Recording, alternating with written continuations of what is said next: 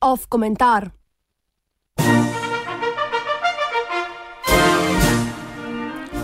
Cerar na službenem potovanju.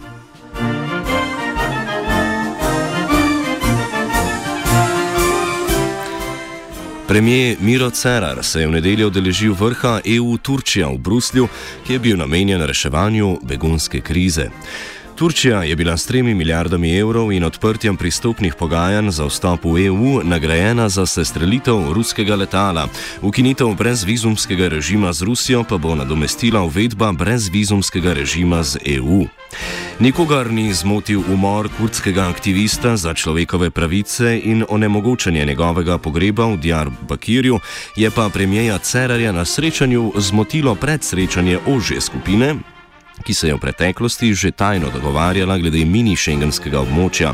Zmotilo ga je dejstvo, da Slovenija ni del ožje skupine in ne sama ožja skupina kot taka.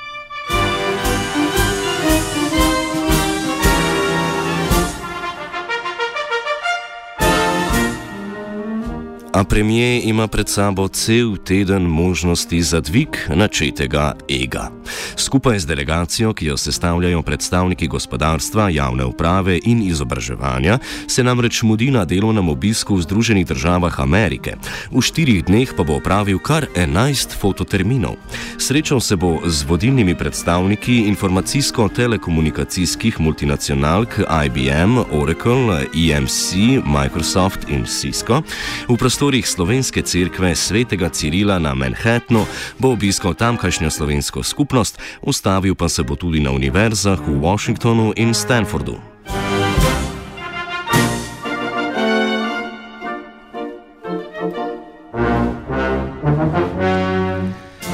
Še pred desetletjem so, kot razkrivajo Wikileaksove diplomatske depeše, ameriški politiki in lobisti za dodatno podporo svojim investicijam prihajali v Slovenijo. Govora je o diplomatski depeši iz leta 2004, ki pravi, da je takratni minister za informacijsko družbo Pavel Gantar osebno posredoval pri agenciji za telekomunikacije, da ni zavrnila pritožbe ponudnika mobilne telefonije Vega na podlagi proceduralnih napak ter posebnemu predstavniku ameriške vlade vlade za komercialne in poslovne zadeve Franku Mermudu, ki je reševal nasedlo investicijo, zatrjeval, da je slovenski trg dovolj velik za tri ponudnike mobilne telefonije.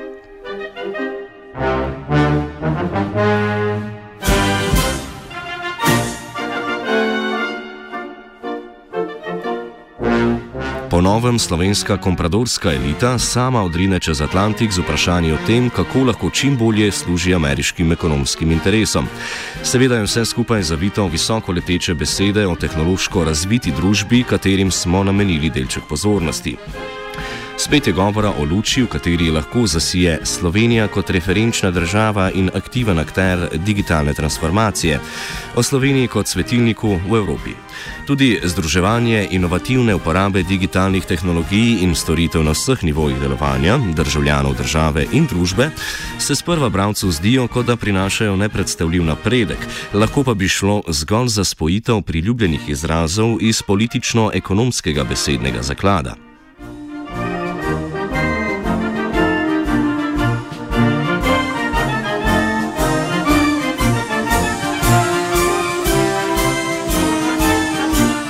V ta kontekst bi lahko umestili tudi predstavitev z naslovom Infrastructure and Smart Citiesmation, ki bo potekala v okviru obiska sedeža podjetja Oracle. Gre namreč za tako modern koncept, da se še ni pojavil na spletu. Ko smo že pri multinacionalki Oracle, lahko dodamo fun fact, ki tudi izvira iz razkritih ameriških diplomatskih depeš. Ameriška vlada je pritiskala na EU, da je slednja multinacionalki, ki je v prostokodnih krogih ljudje imenujejo pokopališče odprte kode, leta 2010 dovolila prevzem podjetja konkurenčnega podjetja Sun, Sun Microsystems. Prevzemu je nasprotovala tudi civilna družba, a prevladali so interesi kapitala.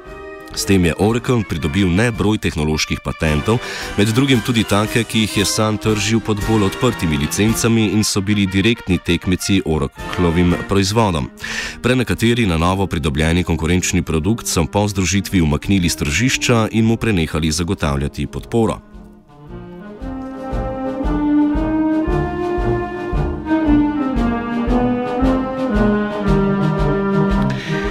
Ob obisku korporacije Oracle, kateri samo ministrstvo za finance plačuje letno slabih 400 tisoč evrov za licence in podporo, je predviden tudi podpis memoranduma o nadaljem sodelovanju.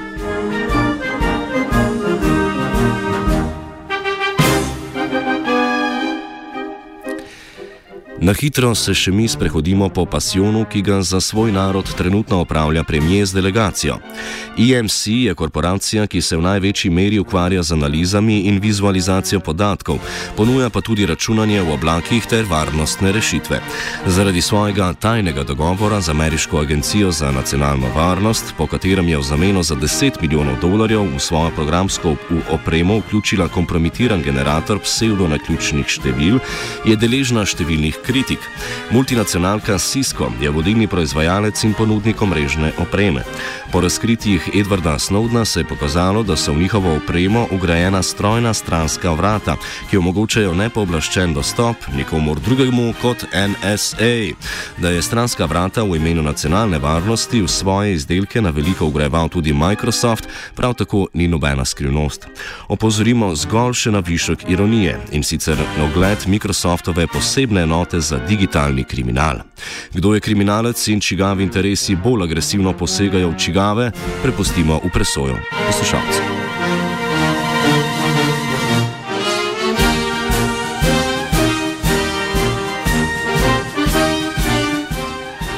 Poleg premijeja in ministra za javno upravo Bojana Koprivnikarja so člani delegacije še predstavniki podjetij, gospodarskih združenj in akademskega zbora. Zatorej dodajemo še opozorilo o tako imenovanem vendor lock-inu ali po naše lastniški priklenitvi. Slednjih poznamo več oblik, a v informacijskih primerjih so relevantne take, ki uporabnika prisilijo v uporabo določenih programskih orodij prek poceni, a ne celovitega izobraževanja o zavarovanju programske opreme zaprtimi licencami ali pa z grdo napisano kodo programske opreme, ki jo zna brati zgolj ponudnik. Končni cilj pa je seveda pobiranje mastnih plačil v zemljeno za licence. Tako da nimo letna cena licenc Microsoftove programske opreme skupaj s podporo samo na Ministrstvu za finance znaša dobrih 200 tisoč evrov.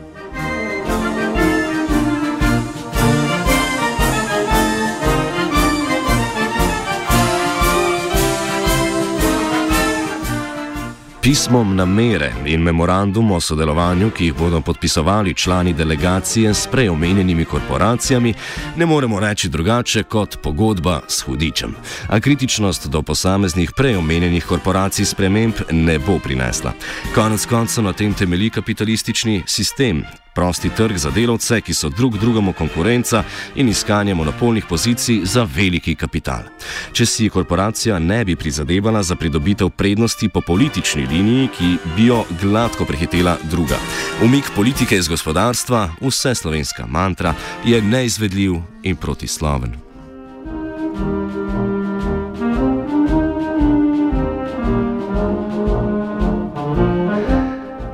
Na tem mestu se moramo obregniti tudi ob izjavo vzhajajoče zvezde Evropske levice, reformista Janisa Varufakisa.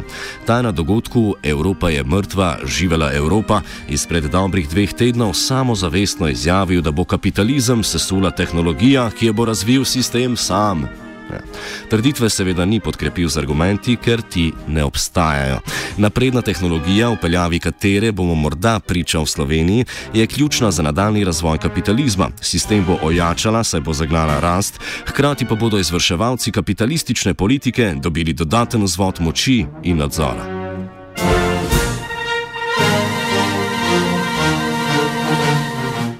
Podobna kampanja z naslovom Digitalna Indija je indijskemu premijeju Naendri Modiju nedavno prinesla veliko medijske pozornosti in kazalce njegove priljubljenosti obarvala v zeleno. Tudi Modi je na stežaj odprl vrata velikim ameriškim multinacionalkam. Preuranjeno je govoriti, kako bo delovni obisk vladne delegacije vplival na domačo medijsko sceno. A kot je za radio študent v oddaji Fronte spletne neutralnosti pojasnil indijski strokovnjak za informacijske tehnologije, Prabir Purkajasta, gre za digitalni kolonializem. Velika Britanija je ohranjala svetovno dominacijo prek pomorskega nadzora nad oceani. V informacijski dobi so oceani postali digitalni, dominanca pa bo spet pripadla tistemu, ki jih bo nadzoroval. Digitalna suverenost je visoka cena za pridobitev nekaj političnih točk na zabačeni dvomiljonski politični sceni.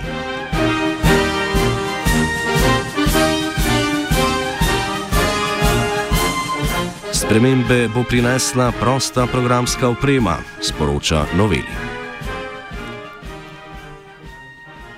Radio študent poslušajo vsi tisti, ki imajo možgane, ki možgani dobro delajo in ki jih znajo uporabljati. Zato tudi jaz, Zmago Jelinčič in moji člani Slovenske nacionalne stranke, brez dvoma poslušamo Radio študent. Čista misel.